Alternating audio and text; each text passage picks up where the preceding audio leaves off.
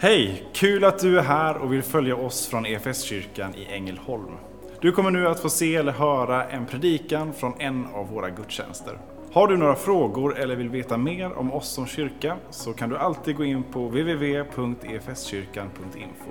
Vill du ha tillgång till mer undervisning eller ta del av våra inspelade konferenser eller gudstjänster gå gärna in på vår Play-kanal, efskyrkan.tv. Nu ska vi lyssna på denna veckas predikan. Kärlekens väg är temat för den här söndagen. Och vi ser i vår omvärld prov på raka motsatsen. Våldets väg och hatets väg.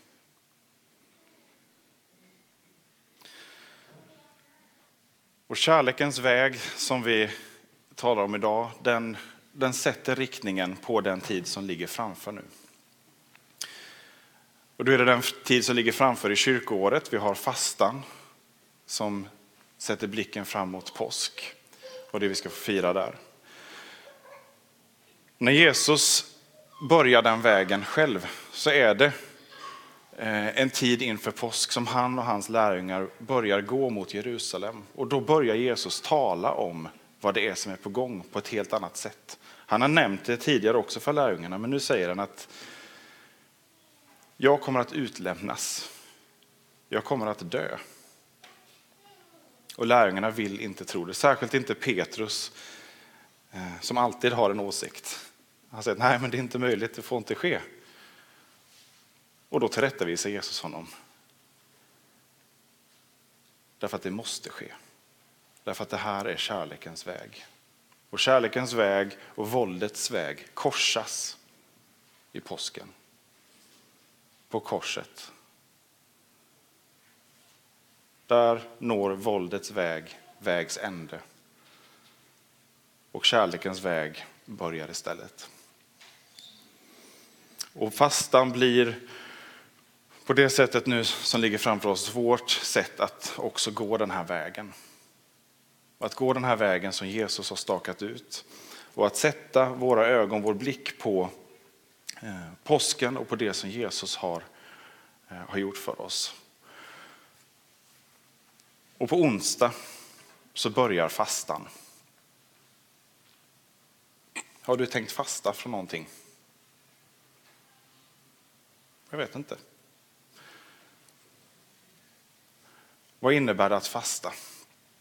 Att avstå någonting. Och varför gör vi det? Och man kan säga att det finns två, två skäl till att vi avstår någonting. Att vi avstår eh, tid eller mat eller eh, olika saker som vi annars eh, tycker att vi behöver eller unnar oss. För att skapa tid för att närma oss Gud, för att läsa Bibeln, för att be. Om du fastar från en måltid eller från en syssla som du annars eh, lägger alldeles för mycket tid på. Säg inte Netflix, har jag inget sagt. Så ta då den tiden och be. Det är inte bara det att du avstår som kan vara nyttigt i sig, men det är så mycket viktigare vad du väljer att fylla det med istället. Ta då tid att be, att läsa Guds ord och fylla dig med det som ger evig mättnad och evigt liv istället. Men vi avstår inte för vår egen skull bara. När vi fastar så har, finns det en lång tradition av att när jag avstår någonting som då kostar mat eller eh, ett streamingkonto eller vad det är. Lägg då de pengarna till någon som behöver det. Att avstå någonting för min nästas skull. Det är en del av kärlekens väg. Därför att tron är inte privat. Hur mycket svenska politiker och hur mycket den individualistiska tidsålder vi lever i vill hävda det så är inte tron privat och den kan inte vara privat. Den kristna tron blir full av liv när den blir andra till nytta och välsignelse. Kristen tro har i sin kärna självutgivande kärlek. Ingen har större kärlek än den som ger sitt liv för sina vänner, säger Jesus också till lärjungarna. Alldeles inför att han själv ska göra det. Att ge sitt liv för att rädda en annan människa. Vi kan få ge bitar, delar av våra liv som kan få rädda andra. Men det manar också till eftertanke och till omvändelse den här tiden. Vi måste ransaka våra hjärtan och fråga vad är jag beredd att avstå? Är jag beredd att ge mitt liv för mina vänner? Det är så lätt att vi blir bekväma, upptagna, fyllda av allt vårt eget. Och så blir egenkärlekens väg större än kärlekens väg. Och vi ser på frukten också vad, var drivkrafterna och motivet finns. Är det självutgivande medkänsla och kärlek som är frukten eller är det att jag drar mig undan i rädsla för andra människor eller växer ett hat i mig istället? Mot andra människor, ond som god. Paulus visste vad det här innebar. Paulus visste vad det innebar att ge sitt liv för sina vänner. Därför att han fick se kristna göra det. Och det var han som var med och tog de liven. Paulus förföljde kyrkan. Han andades modlust, står det. Vår tid är inte unik. Människor i alla tider har uppfyllts av olika anledningar, eh, hat och modlust, men som i slutändan blir det våldets väg som, som bara lämnar död och förstörelse. Paulus, en av de främsta författarna till Bibeln, var en av dem. Han andades modlust och han såg till att kristna fick sluta sina jordeliv därför att han brann av hat mot det de predikade. Men så fick han möta Jesus. Och vad hände när han mötte Jesus? Han fick istället lägga sitt liv för andra. Resten av hans liv offrade han allt för att andra människor skulle få höra om den Kristus som han under flera år hade förföljt. När han såg vad som faktiskt är värt någonting. Så när han skriver till oss så är det tyngd bakom de här orden. När han vet, eh, ger uppmaningar till oss så är det med erfarenhet av vad som faktiskt fungerar, vad som faktiskt betyder någonting, vad som faktiskt kan förändra ett liv. Från att vara helt förlorad i hat och att andas modlust mot andra människor till att istället leva sitt liv för att andra människor ska få ta emot hopp och helande och förlåtelse och evigt liv. Vad har det med er när vi läser nu vad han skriver till oss? I första Timoteusbrevet kapitel 2 skriver Paulus så här. Först och främst uppmanar jag till bön och åkallan, till förbön och tacksägelse för alla människor, för kungar och alla som har makt, så att vi kan leva ett lugnt och stilla liv på allt sätt fromt och värdigt. Att be så är riktigt och behagar Gud, vår frälsare, som vill att alla människor ska räddas och komma till insikt om sanningen. Gud är en och en är förmedlaren mellan Gud och människor.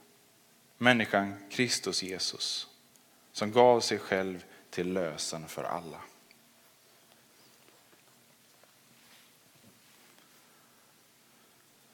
Först och främst uppmanar jag till bön, säger Paulus. Han har testat massa olika strategier i sitt liv. Han har eh, gått de högsta utbildningarna man kunde gå eh, i hans eh, rabbinska skolning. Han hade kontakter, han hade nätverk. Först och främst så uppmanar han till bön. Och han gör det inte en gång, han gör det inte två gånger, inte tre gånger utan fyra gånger. Uppmanar till bön och åkallan, förbön och tacksägelse. Han nöjer sig inte med, han kunde skrivit jag uppmanar till bön, det är bra. Men han riktigt trycker in det. Jag tror att det är för att vi har så svårt att lita på att det är så enkelt som att be. Samtidigt som bön också kan vara något av det svåraste vi kan ge oss in på. Det är ett hårt arbete att be.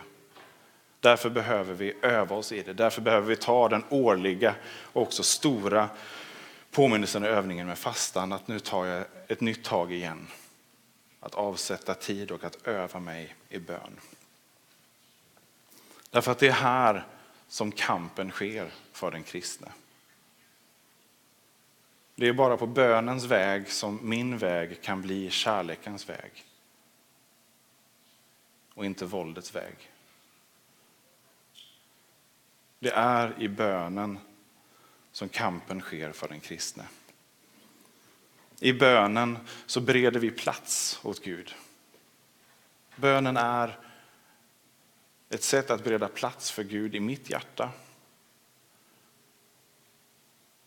Och i det som jag ber för, den omgivning som jag har omkring mig. Att be om att Gud ska få ta sin plats där. Är inte det lite konstigt? Ska vi behöva be att Gud den allsmäktige ingriper? Ja, det löser vi inte här och nu, för det har ju kristna brottats med alla tider. Hur, hur ska vi förhålla oss till den här guden som vi har lärt känna men som vi också verkligen inte förstår? Det hade varit konstigt annars om vi kunde förstå vår egen skapare. Gud som övergår allt förstånd. Men jag tror en bit i det här är den fria viljans begränsning av Gud. Där Gud frivilligt låter sig begränsas av det att han ger oss fri vilja. Och med det så ger han oss också ansvar. I skapelsen så ges vi ansvar för den här världen med möjlighet att välja att följa Gud eller att inte göra det. Människan väljer bort Gud. Och då får vi också skörda frukterna av det. Men det finns också en skönhet i den fria viljan. Och det ansvar som, som Gud ger människan. Därför att det ger människan möjlighet att omvända sig och välja Gud. Och Gud är inte en despot. Han är inte en auktoritär galning som kräver underkastelse. Han är allt det som vi tror oss veta vad kärlek är, vad ljus och godhet är. Och i det så vill han en mänsklighet som väljer honom, som längtar efter honom och som inte tvingas och piskas och drivs med våld till honom. Som så många andra har försökt skapa rörelser och riken i vår värld och gör just nu. Så Gud frågar efter vår inbjudan. Han ber oss om att be till honom. Han ber oss om att be att, att han ska få komma in i våra liv, att han ska få beröra oss, att han ska få vara en del av våra liv. Därför uppmanas vi till bön och vi uppmanas till åkallan, som Paulus skriver här. Att ropa efter Gud, att begära svar. Jag åkallar dig Gud. Du måste gripa in här nu. Jag ropar till dig. Åkalla Gud. Ge honom inte en lugn stund. är det han säger. Jesus ger en, en, liknelse om det här för att berätta vad, vad den här bönen innebär. En änka som strider i rätten om att få, eh, få rätt för sin sak i sin konflikt. En domare som är eh, orättfärdig, som inte är intresserad av det. Hon går och tjatar på honom. Eh, hon tjatar och tjatar och tjatar och till slut säger hon, inte för att jag är särskilt rättfärdig, men nu är det fritt i minnet här, men för att hon är så jobbig så ska jag se till att hon får det hon... Och så använder Jesus den här komiska, absurda liknelsen för att ge oss bilden av hur Gud vill att vi gör. Att vi tränger oss på. Gud är inte känslig. Han vill att vi jagar honom. Han vill att våra hjärtan väcks upp och, och ropar efter rättfärdighet och ropar efter upprättelse. Men den här bönen är inte bara det enträgna eh, bedjandet och nöden för det jag har hos mig själv, utan det är också i förbönen för andra.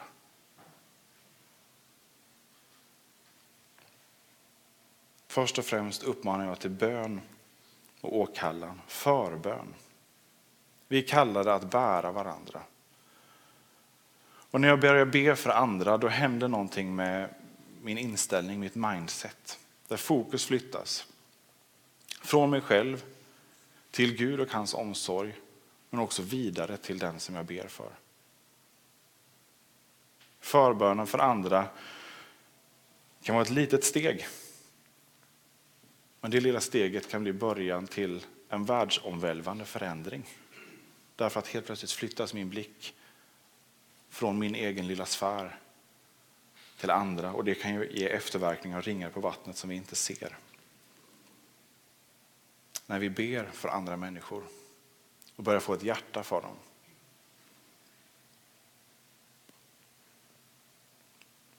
Och i allt detta så tacka också, säger Paulus.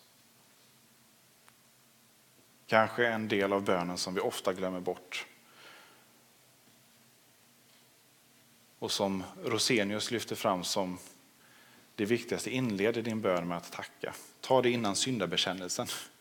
Det är viktigare att tacka Gud än att du hinner omvända dig först. Tacka Gud för, för det han gör. Den som har lärt känna Gud kan också tacka redan innan bönesvaret syns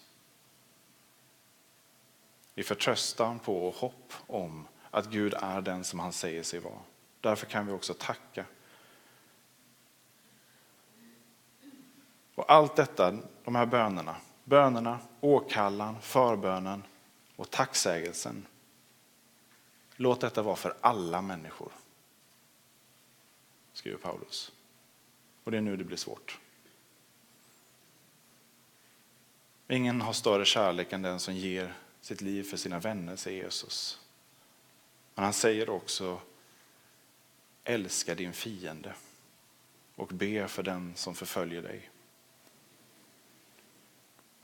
Gå in i åkallan, förbön och tacksägelse för alla människor. Där har ni en utmaning för fastan. Att i ditt hjärta, i din bön, leta efter någonting att tacka för hos alla människor. Omöjligt för en människas begränsade hjärta, men möjligt för den Gud som har vandrat kärlekens väg och som bjuder oss att vandra den vägen tillsammans med honom. Där kan också mitt och ditt hårda hjärta få mjukas upp Därför att bön förändrar. Det är kyrkans erfarenhet genom tusentals år. Och bön förändrar inte bara det jag ber för utan också mig själv när jag ber. Bedjaren går inte oförändrad genom bönen. Därför be för alla människor. Tacka för alla människor. Hur svårt det än kan vara. Varför? Därför att Gud vill att alla människor ska bli räddade och komma till insikt om sanningen. Säger Paulus här.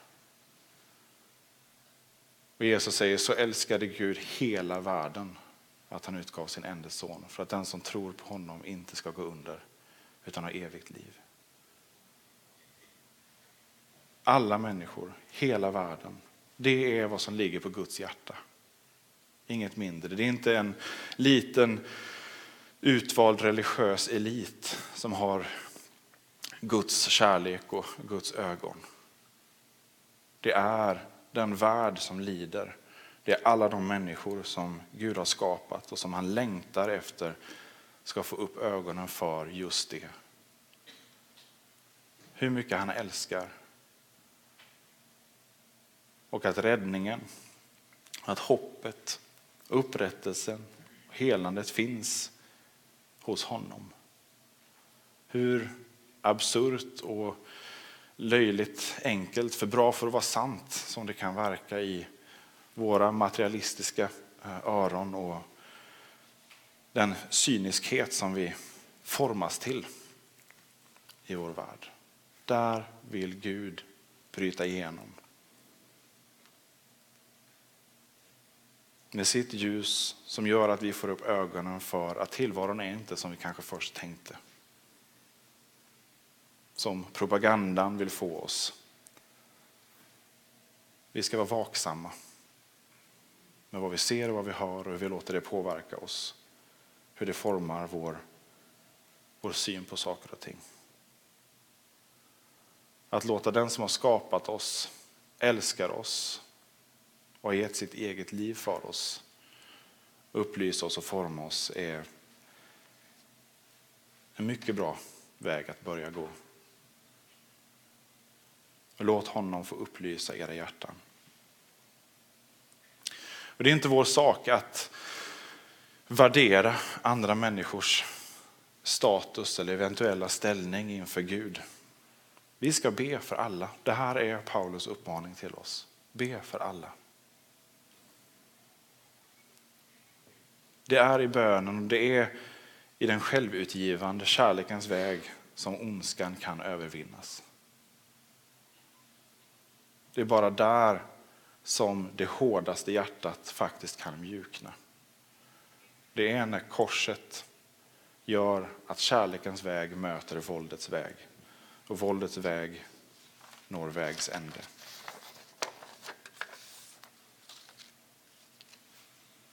Så vi ska be och vi ska läsa Guds ord. Det är där vi låter honom öppna våra ögon och upplysa oss. Hur gör jag då, tänker du? Jo, ta, ta vara på fastan. Vi kommer på onsdag släppa en bibelläsningsplan för hela fastan. Med en läsning för varje dag. Har du en annan läsningsplan som du redan är inne, kör på den och lägg till lite extra krydda kanske. Eh, är det så att du nu behöver göra en nystart och börja läsa igen på allvar så är du gott sällskap, det lovar jag. Vi behöver få uppmuntra varandra att, eh, att få ta tag i den här inbjudan. Att få läsa och få fylla oss med Guds ord. Så på askonsdagsmässan på onsdag här finns den, nästa söndag finns den här och vi lägger upp den på vår hemsida. Håll ögonen öppna för den här bibelläsningsplanen. Jag skulle också vilja ge dig en, en fasteutmaning här nu i bönen. Att du tänker på en person som du vill be för, som du vill ska få möta Jesu kärlek. Och så be för den personen varje dag. En bra början är att be vår Fader. Så behöver du inte tänka på hur du ska formulera dig. Be den, men med den här personen i åtanke. Att Guds vilja ska få ske i den här personens liv. En gång om dagen för den här personen under fastan. Vill du ha en större utmaning så tänk också på någon som du har svårt för och som du egentligen inte vill be för. Så kan du inkludera den personen också och se vad som händer i ditt liv. Dennis. Så låt oss få sporra varandra till, eh, till goda vanor. Att få läsa Guds ord, att få be, inte med kraven och med, med plikten, utan med just den här inbjudan att det här är det som kan ge verklig förändring i våra hjärtan och i det samhälle som vi lever i. Kraften till förändring finns i korset och vägen dit går i bön och i bibelläsning. Det är där vi får möta det.